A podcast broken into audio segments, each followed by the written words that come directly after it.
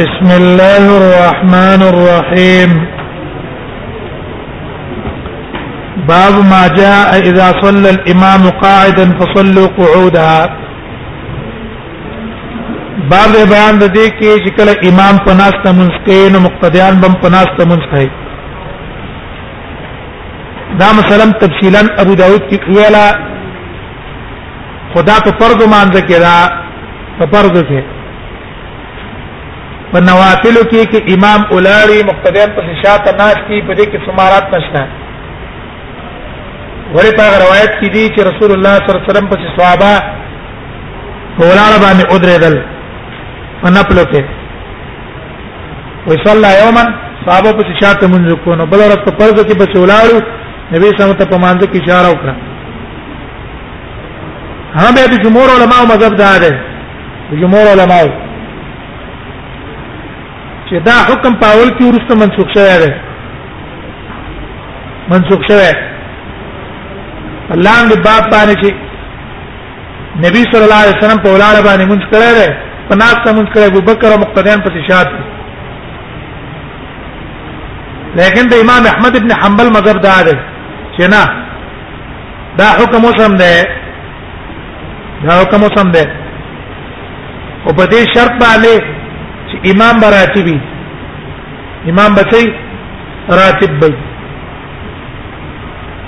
که امام راتب نو دا حکم نه ده دویم دا چې بیمار باندې چې داغه او د جوړېدو امکان نه وي که وګړه بیماری و به بدا کم نه امام بلره کوي بل امام به مقرره وي وختي بیماری دا پاساتي پملا درد یا سبا ده په پناست مونږ کولای شي او کوم حدیث چې د ابوبکر ده نو وی الته فرق ده یو دا دی چې امام د اول نه پناسته مونږ کوي نو مقتدیان به پسې په شاته کینی دیم صورت دا دی چې امام په ولاړه مونږ شروع کو لیکن په وسط صلات کې عاجز شو د قیام نه نو بیا به مقتدیان په ولاړه مونږ کې امام د کینی نو حدیث دا ابو بکر پاغه دی ولی مقتدیانو چې اقتدا کوله په امام پسې ابو بکر ولاړو کړه دا قعود د نبی سره په وسط د صلات کې راغله دوه کې فرق ده او دا قول هو الراجح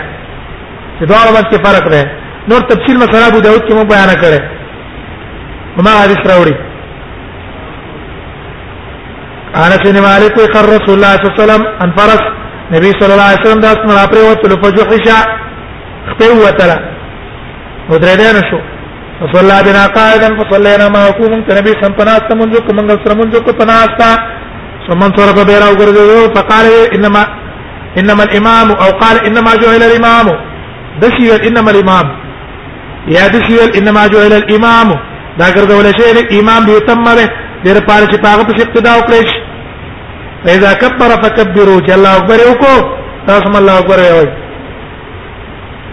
واذا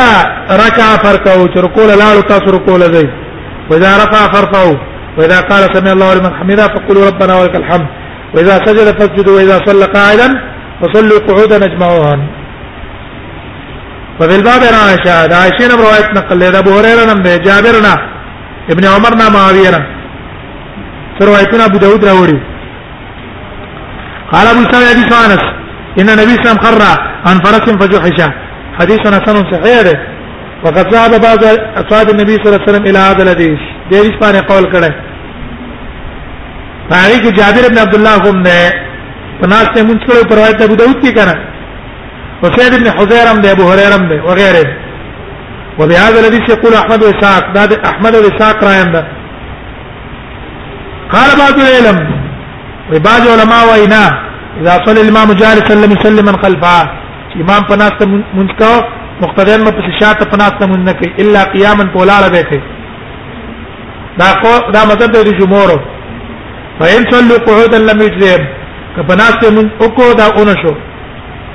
هغه یو قول کړی دا د نسخ زم قول د خصوصیت کړی دی چې زمانه برستو څوک په ولاړ باندې مونږ نه کوي زمانه برستو بعد څوک په ناس باندې مونږ نه کوي ولیکن هم کمزور دی دا قول سفیان ثوری مالک بن انس عبد الله مبارک شافعی امام بونیفه باب منو دا دغه دلیل دی باب منو دې متعلق حشر بلال او صلی الله رسول الله صلی خلف ابي بکر وي منذ کو نبی صلی الله علیه وسلم استد ابو بکر نه په مرض الذي مات في قاعده دا بیماری کې چې په کمر شو پناستا قال ابو سعيد حديث عائشه حديث حسن صحيح دی غریب دی وقد روى عائشه عن النبي صلى الله عليه وسلم انه قال والنبي صلى الله عليه وسلم اذا صلى الامام جالسا فصلوا جلوسا هيجينا دقه نقل او ورویا نه دا غره دا نقل دی ته نبی صلی الله علیه وسلم نه خرج فی مرزه چې په بیماری کې چې نبی صلی الله علیه وسلم شو پای کړو وته او ابو بکر یصلی بالناس ابو بکر خلق ته مونږ کاو فصلى الى جنب ابي بکر ابو بکر خاطه مونږ کو والناس يتمون ابي بکر خلق اقتداء ابو بکر پسې کړي وا ابو بکر يتم بالنبي صلی الله علیه وسلم ابو بکر اقتداء په نبی صلی الله علیه وسلم پسې کړي وا او وروي انا دا غیر دا نقل شوی دی چې نبی صلی الله علیه وسلم خلف ابي بکر قائلا نبی صلی الله علیه وسلم په شات په ناس باندې منځو کو وروي انا انس بن مالک ان نبی صلی الله علیه وسلم خلف ابي بکر او قائد ابو بکر فرست من کړه په ناس تا حدثنا بذلك عبد الله بن ابي زياد حدثنا شباب بن سوار حدثنا محمد طلحه عن حميد بن ثابت عن انس قال صلى رسول الله صلى الله عليه وسلم في مرضي ابي مالك منذ خلف ابي بكر قائدا ناس تو په ثوب په حجامت متوشحا به ځان نه کپړه تاو کړو قال ابو سعيد هذا حديث حسن صحيح حديث حسن صحيح ده وهكذا رواه ابن ايوب عن حميد عن انس وقد رواه غير واحد عن حميد عن انس ولم يذكر فيها ثابت ثابت كان ذكر کړه ومن ذكر فيها ثابت هو صح چا چې من کې سند کې ثابت ذکر کړه دا صح ده لیکن امام احمد جواب منګو کو کہنا دا کله راغله په وسط کې په وسط کې باو ما جاء في الامام ينهض في الركعتين ناسيا دا مو ابو داود کې نه ویلو دوه رکعات باندې ودرېدلې اوله قاعده دې پرې قصلا نو سبا کې اخر کې بسم الله وکینو وما قرأ آية راوي عن شعبي ابن ابي لالان الشعبي قال صلى بنا المغيرة بن شعبة ابو داود كم دا اشاره تو کړه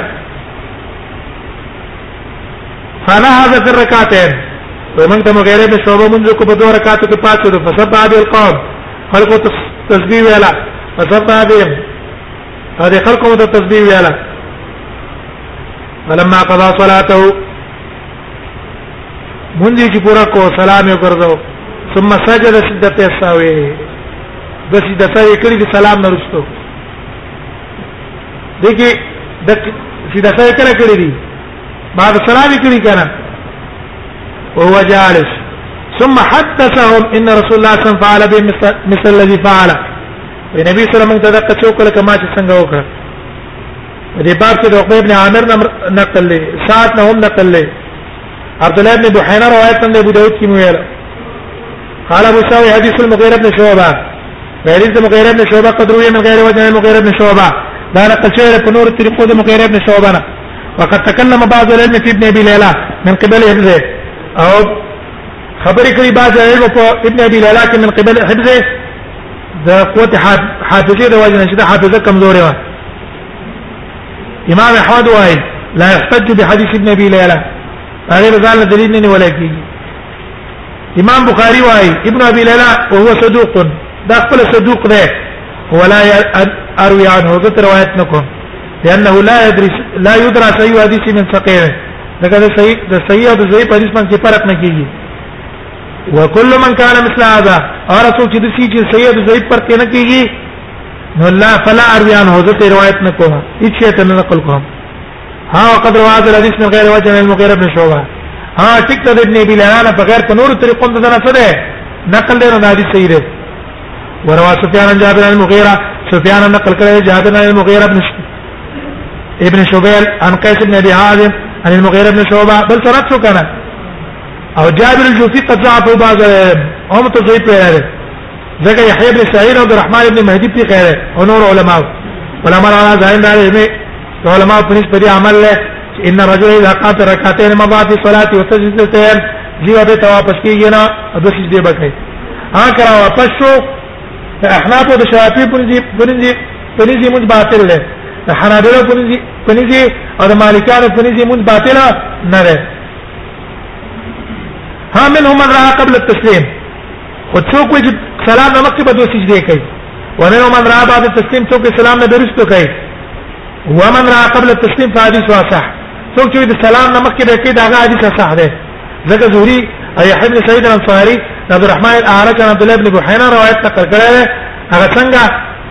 ان زياد بن علاقه قال صلى بن المغيرة بن شعبة عبد الله بن بحينا روایت کړی دی چې رسول الله صلی الله عليه وسلم څوک لري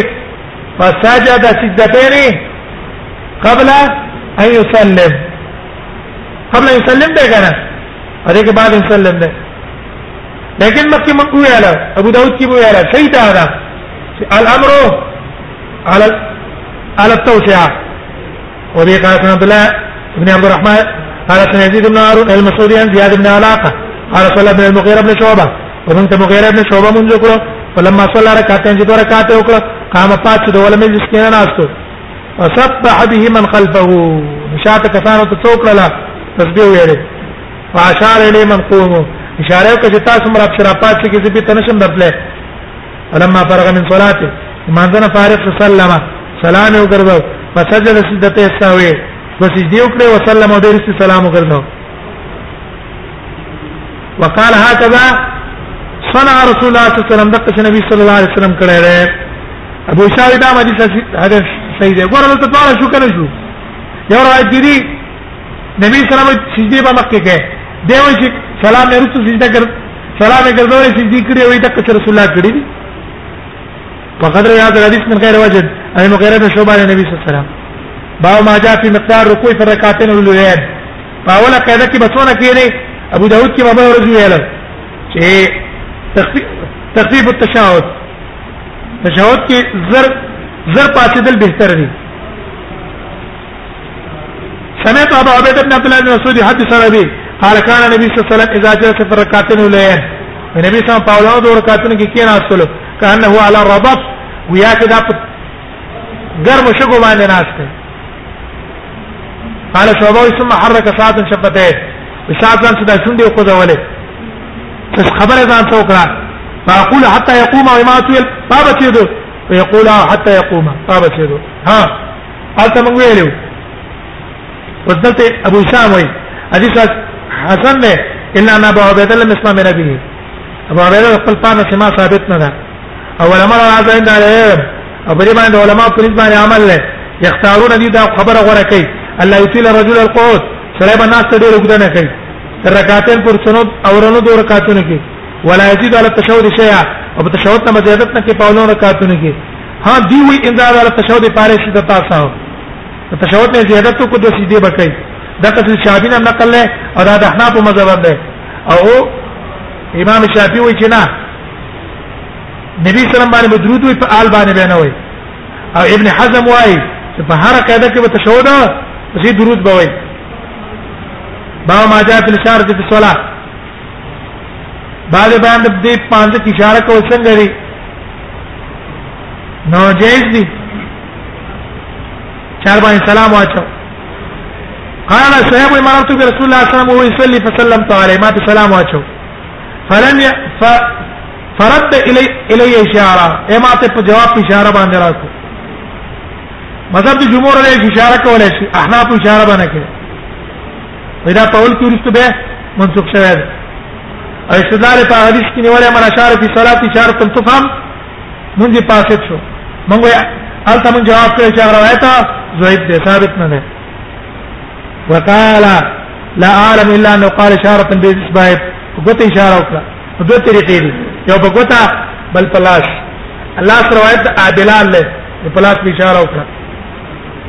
په بل باب ان بلال د بلال روایت هم د ابو داود کې مله ابو هريره هم د انس هم د عائشه ده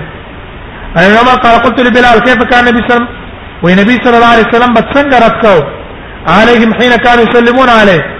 صحابه په نبی صلی الله علیه وسلم ته جواب څنګه ورکاو او په صلات قال كان يشير بيده ولات بشاره کوله ابو سعيد حديث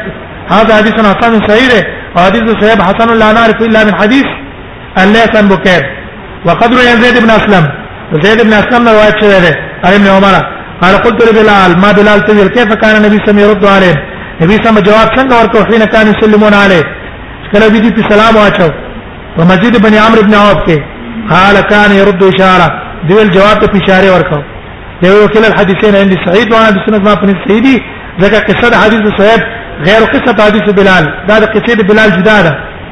په لاس اشاره په ګوتې اشاره ورکړي په لاس اشاره ورکړي